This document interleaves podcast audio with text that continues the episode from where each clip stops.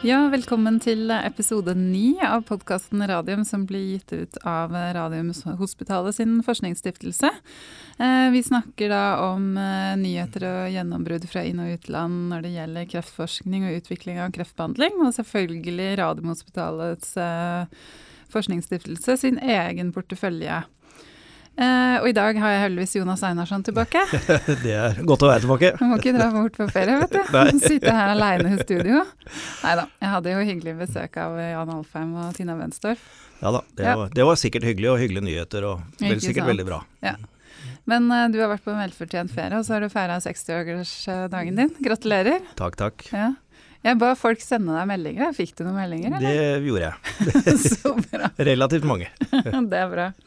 Du, eh, nå begynner vi å få litt eh, lyttere, og, og, du sier jo f.eks. at på dette Heggen har, har et sånn online-forum hvor det er mye sånn tradere som diskuterer. Eh, og diskuterer litt av det vi prater om og sånn. Så jeg tenkte kanskje vi faktisk i dag skulle begynne med å snakke litt om oss selv og bakgrunnen vår, for det syns i hvert fall jeg alltid er spennende å høre. Ja. Så hvis du kan begynne? Det kan jeg landsens gutt fra Island i utgangspunktet. Første, første generasjon innvandrer, derfor bor jeg på Grønland i Oslo, som alle innvandrere gjør. Stortrives der. Eh, jeg, I utdannelse så er jeg lege, jeg var ferdig på doktorskolen i 1982. Så jobbet jeg litt med forskjellige ting. Allmennpraktiker, var med å bygge opp Norges første private sykehus. Så jobbet jeg som eh, fastlege og helsesjef i Lardal kommune i Vestfold mm. i drøye ti år. Og så veldig tilfeldig skulle jeg skulle flytte tilbake til Oslo, og en eh, venn av meg drev Ramsdals forskningsstiftelse. Og lurte på om jeg hadde lyst til å jobbe litt for han en liten stund. Mm. Eh, og den lille stunden er blitt 17 år. så det, det syns jeg var så morsomt å, å, jobbe med. Så jeg la legepraksisen på hylla da, etter å ha holdt på med det i 20 år, og har da viet livet mitt til dette. Så jeg er altså administrerende direktør i Ramsdales forskningsstiftelse, mm. som var en teknologioverføringskontor for Ramsdale den gangen sånn som Invento er det for hele sykehuset og universitetet i dag. Eh, Pga. alle disse strukturendringene i sykehuset, så ble på en måte den tjenesten overflødig. og da bestemte vi oss for å gjøre det om til det det er i dag, nemlig et Evergreen Seed Preseed-fond for å finne de beste ideene fra kreftforskningen og investere i de. Sånn at fondet vårt er bygd opp sånn at når vi gjør exiter i selskapene våre, så gjør vi én av to ting med de pengene. Enten reinvesterer vi de nye, gode ideer, eller så deler vi ut penger til kreftforskning på Ramsdale. Mm. Så det var faktisk helt tilfeldig at du havna i Radforsk? Ja, det var helt tilfeldig. Det, var uh, min, min, min, venn som hadde et uh, Han hadde en sak som han burde fikses på et halvt år. Jeg spurte mm. om jeg kunne gjøre den før jeg søkte fastlegejobb i Oslo, som var planen. Mm. Men det var så spennende, at, uh, og dette miljøet var så fantastisk morsomt å jobbe sammen med, at mm. det ble. Mm. Du savner ikke å være lege? Nei, jeg holdt på med det siden 1982 til ja. 2000, så jeg følte at jeg hadde gjort den borgerplikten. Mm. Rett og slett. Uh, fortelle litt om min, min, bakgrunn. Jeg er utdanna biolog fra Universitetet i Oslo og Svalbard, faktisk. Men jeg er jo ikke sånn uh, mikromolekylær i det hele tatt. Altså, akkurat det var faktisk det jeg syntes var minst spennende.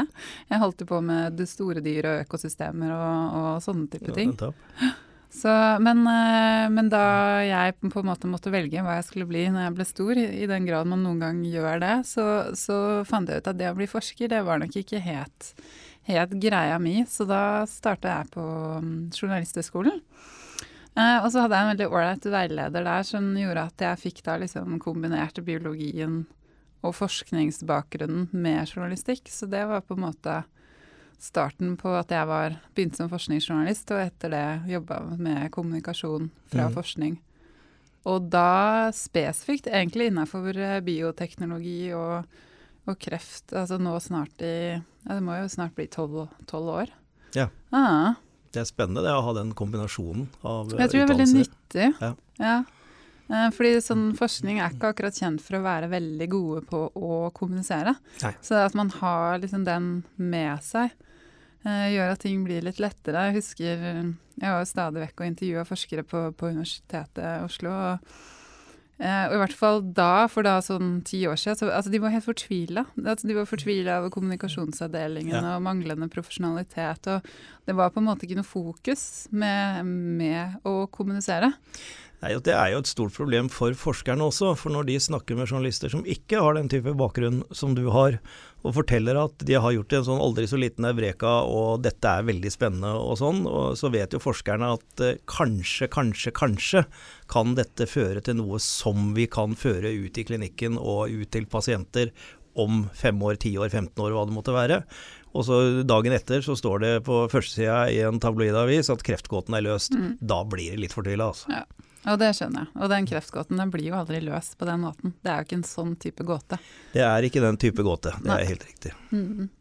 Yes, men da kan vi jo heller gå over på, på aktuelt skjedd siden sist. Og ja. du har jo nå et par dager vært på Oslo Life Science-konferansen. Det har jeg. Ja, Fortell litt om det. Nei, det er veldig spennende. Veldig fint initiativ fra Universitetet i Oslo.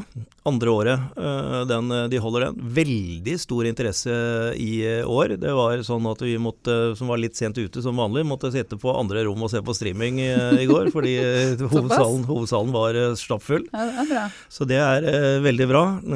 Eh, og dette er jo en del av den life science-satsingen som eh, rektor Ole Petter Ottersen har eh, vært forkjemper for, og med det nye life science-bygget som skal bygges der. Mm. Det er kjempespennende. Og, mm, og, og, det er innovasjon står i høysetet der. og prorektorkandidat Inger Sandli mm. holdt et foredrag om innovasjon. Hun er liksom kjent på, som the queen of innovation på, på sykehuset med mer enn 100 patentsøknader. og Bl.a. står bak uh, to av selskapene våre, Voxybody og Nextera. Mm. Uh, og det er tydelig at, at nå innovasjon blir satt på, virke på kartet på universitetet. Mm. Uh, og det syns jeg er, er kjempegøy. Så det var litt mer sånn generelt i går, med presentasjoner fra litt big pharma-selskaper, hva de ser etter uh, hos forsker, forskningen og resultater og sånn. Uh, har vi for så vidt hørt før, men, mm. men, det var mye unge forskere også i salen som ikke har mm. hørt det før, så for dem var det sikkert kjempespennende. Så var det Jævland uh, i dag med da Inger Sandli, som sagt. Kjetil Tasken, en av våre fremragende forskere, holdt foredrag. Eh, Jon Arne Røttingen, som mm. er altså påtroppende leder for eh, Forskningsrådet, mm. og leder for eh, vaksineinitiativet som eh, bl.a. Norge, Japan og Bill Gates Foundation har satt i gang. Kjempespennende. Her går liksom private, filantrofiske, eh, næringslivet og myndigheter sammen om en satsing på 100 milliarder dollar Mm, eh, det er mye penger. Det er mye penger.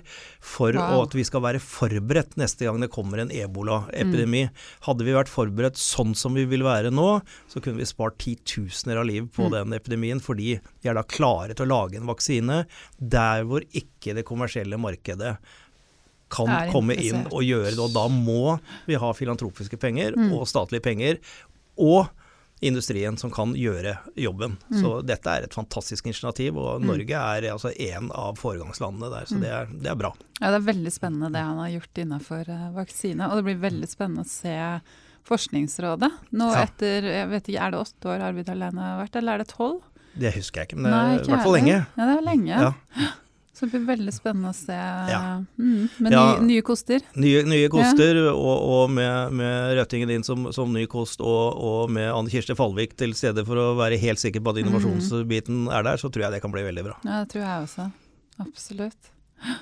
Um, ja, så da blir det, da er det et år til neste gang. Det er Oslo Life Science-konferansen. Og dette bygget det er jo da det er jo på en måte under planlegging. Det, jo ikke, det er, skal jo ikke stå ferdig før 2022, er det vel? Jeg tror det er det. Det er i ja. konseptfasen, eller neste ja, fase nå. Det er Statsbygg som, ja. som holder på der.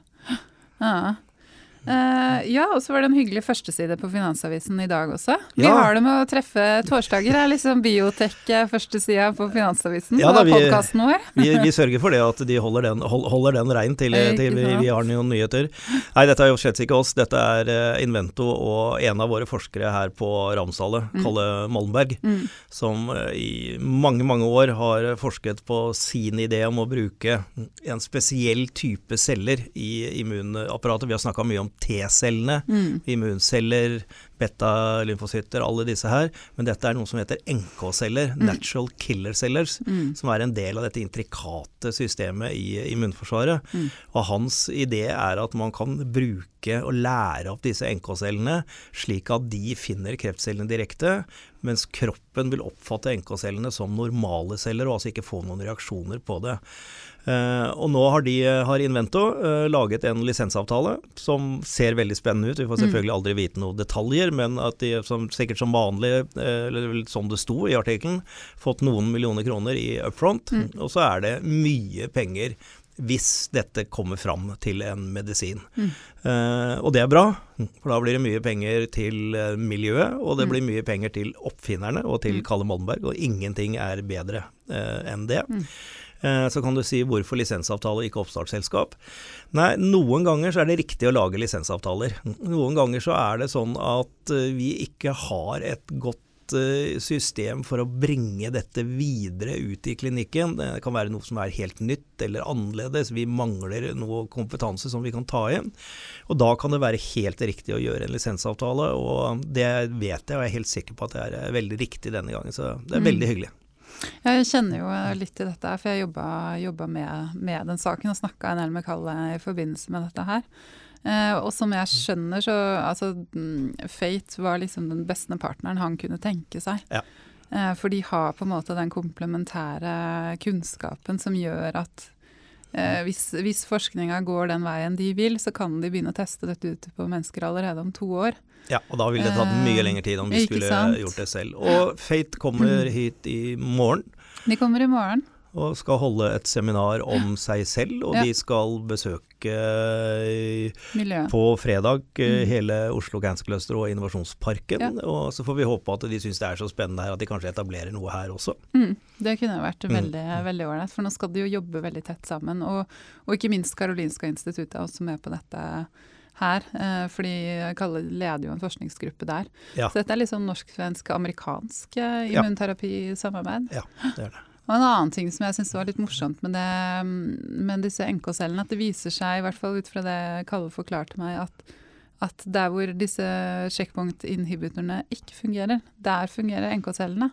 Ja, mm. og det er, jo, det er jo det vi jobber med. Altså vi, vi, jobber for å hjelpe checkpoint-inhibitorene til, eh, til å, å, fungere. Mm. Uh, enten uh, som et tillegg eller istedenfor, men, men uh, vi har snakka mye om det tidligere, at det er kombinasjonsbehandlinger som antagelig er fremtiden. Dette ja. så.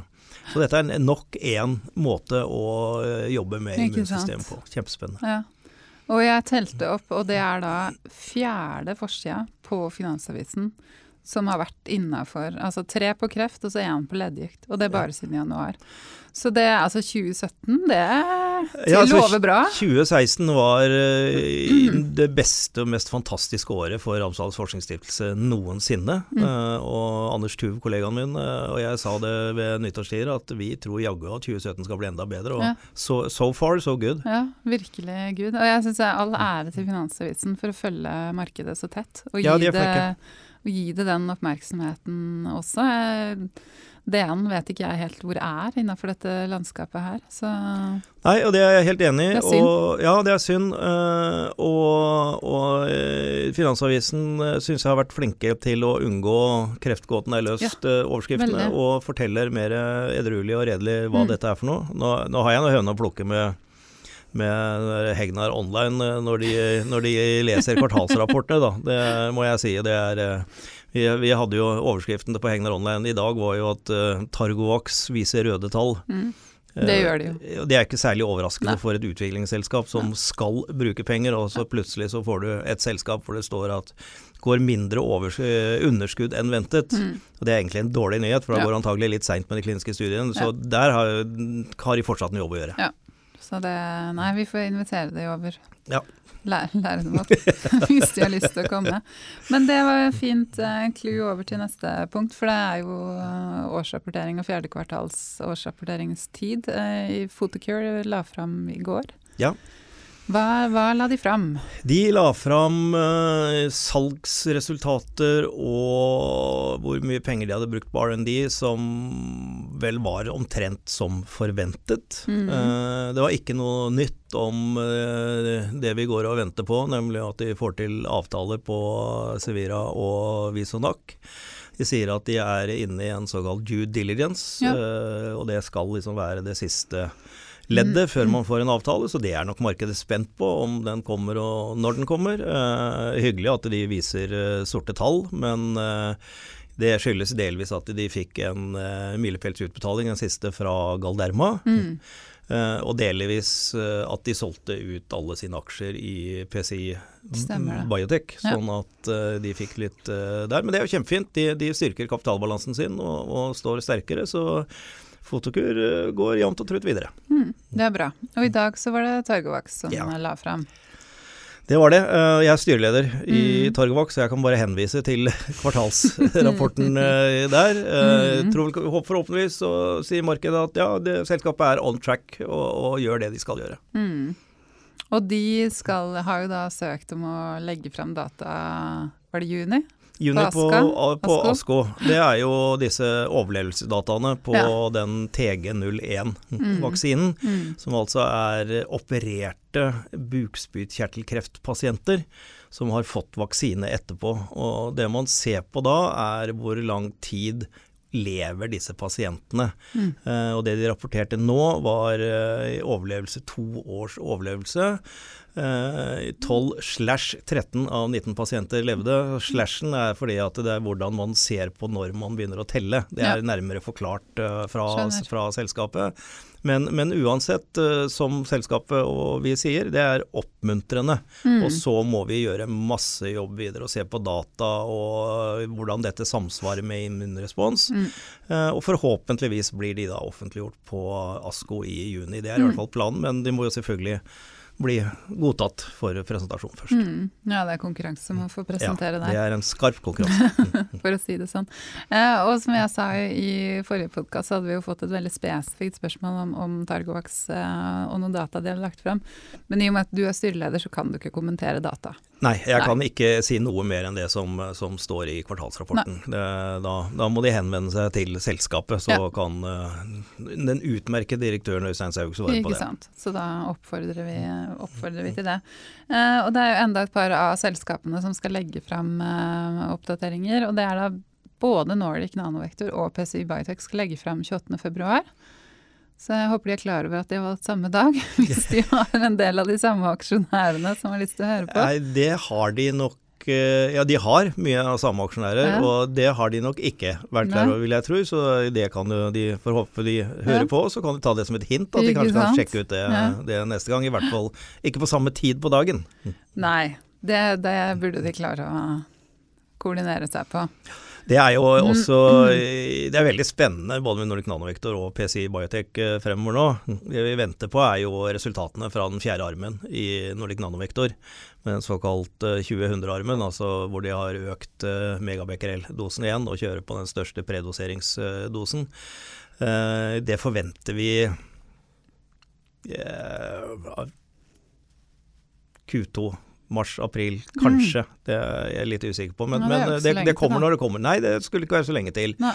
For de skal jo starte eh, den Paradigm-studien mm. uh, i løpet av dette halvåret. Uh, så, så, det er veldig spennende. Ja. Uh, PCI Biotech er veldig spennende å høre resultatet av deres diskusjoner med de regulatoriske myndighetene, ja, FDA og MEA, eh, om hvordan deres fase to og forhåpentligvis pivotalstudie mm. vil se ut på gallgangskreften. Mm. Eh, men ingenting av dette kommer på kvartalsrapportene. Ja. Det er mer enn bare en avrapportering av hvordan ståa er og finansiell status, og det, det kommer når det kommer. Ja, det, det er sant, det gjør det.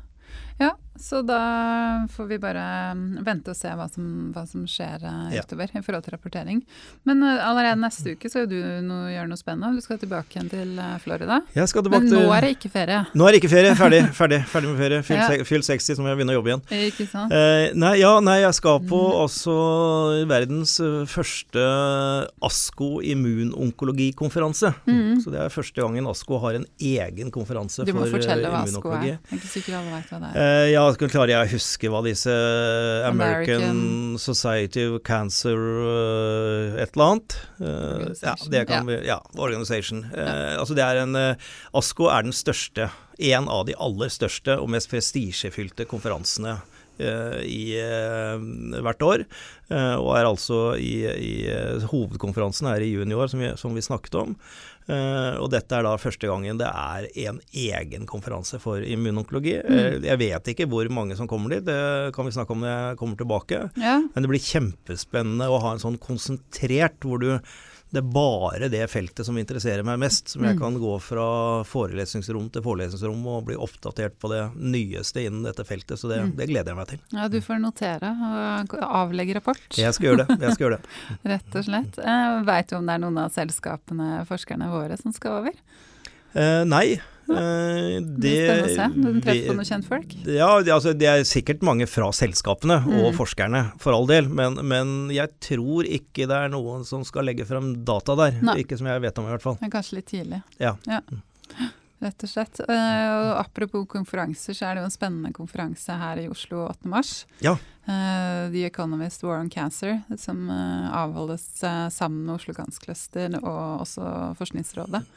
Eh, og du skal sitte i paneldebatt. Hva skal dere snakke om der?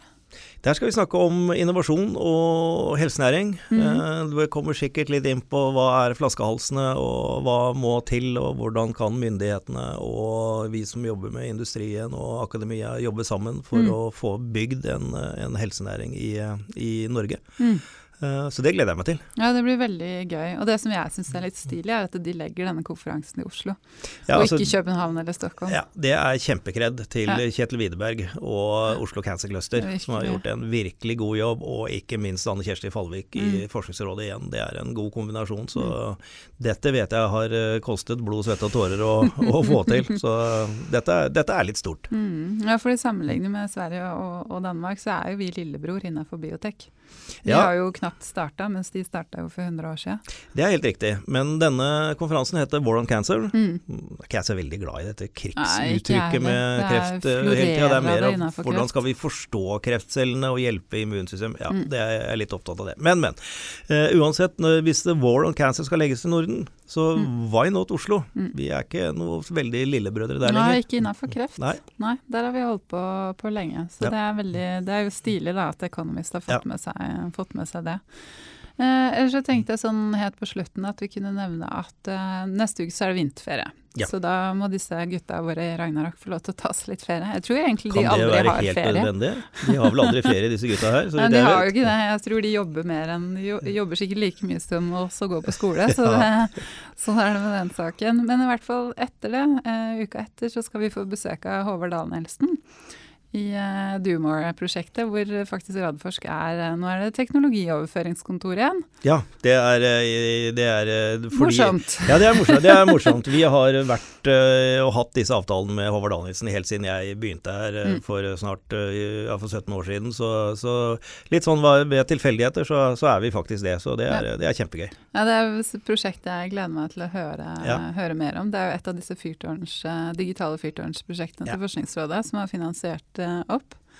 Eh, så det blir bra. Og uka etter der igjen, ja, der er, da er det jo um, Economist, så vi tenkte vi skulle lage en podkast derfra. Ja, det har vært kjempegøy. Ja, Og så får vi besøk i studio av Annelise Riel, faktisk, fra Kreftforeningen. Eh, og da skal vi snakke litt mer med henne i forhold til hvordan eh, Kreftforeningen jobber med å faktisk investere opp norske selskaper. Ja. For de har investert i da både Oncommunity, som vi faktisk ikke har prata om i det hele tatt, men det er også et av stiftelsen sine porteføljeselskaper. Ja, vårt første software-selskap ja, ever. Det er jo kjempespennende. Det, ikke spør meg om det, da Nei. må du få Anders Duvi i studio. Ja, jeg har bedt ham om å komme, Ja, det er godt. mm. Og så har de jo eh, Kreftforeningen også investert i Waxybody. Ja, ja. ja. Det er jo kjempespennende at de eh, Det er jo eh, Annelise skal fortelle om det, med på en måte litt sånn ferden fra at det var fy å gjøre noe annet enn å investere i grunnforskning, og mm. til man har sett nytten av hva disse små bedriftene gjør. Så det, det er spennende. Ja, det blir veldig morsomt. Eh, og så etter det igjen så får vi faktisk besøk av Kjetil Hessdal i Photocure. Ja, det er bra. Ja. Det, da, men da er vi sånn langt ut i mars eller noen gang. Så, ja, ja, da er det snart påske. Det snart, nei, det er det ikke i år, som. For påsken er så sein i år, så det er langt ute i april. Så det er masse mer podkaster vi skal lage før den tid. Uh, har du noen siste bevingede ord? siste, siste bevingede ord? Nei, jeg tror ikke det. Jeg som sagt, gleder meg stort til å dra på denne immunonkologikonferansen, og gleder meg til å prate om den når jeg kommer tilbake. Ja, supert. Da gleder vi oss til å høre om det. Takk for i dag.